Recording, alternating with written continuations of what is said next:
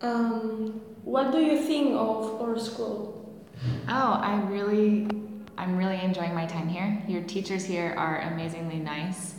You, as the students, are incredibly nice as well, and I feel really welcome so far. And I just really want to be able to help you guys, and I feel like you're interested in what I have to say, like right now. and um, I'm, I'm happy that I'm that I got put into this school. It's perfect. Catalonia High School is different um, uh, High School of California.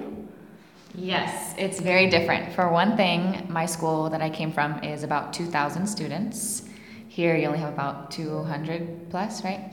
And the, the thing that's the biggest difference is in high school in the United States, the students go to different classes. You guys stay in one class.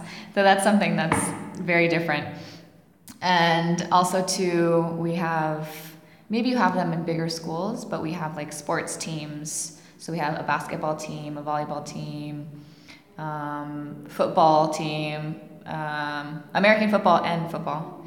Um, so it's the sports and having more students brings um, different activities to the school, but I think it's a completely different experience having a small high school that's not any um, less than having a big school. Uh, what languages do you speak? So I can speak English, um, a little bit of Castellano. I want to learn Catalan, but right now all I can say is like, you know, please and thank you. and um, I can speak a little bit of Tagalog or Filipino, and but I can understand a lot of Filipino. It's just hard for me to speak back. Okay.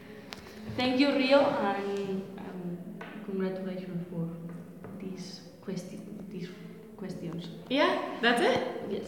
Okay, thanks.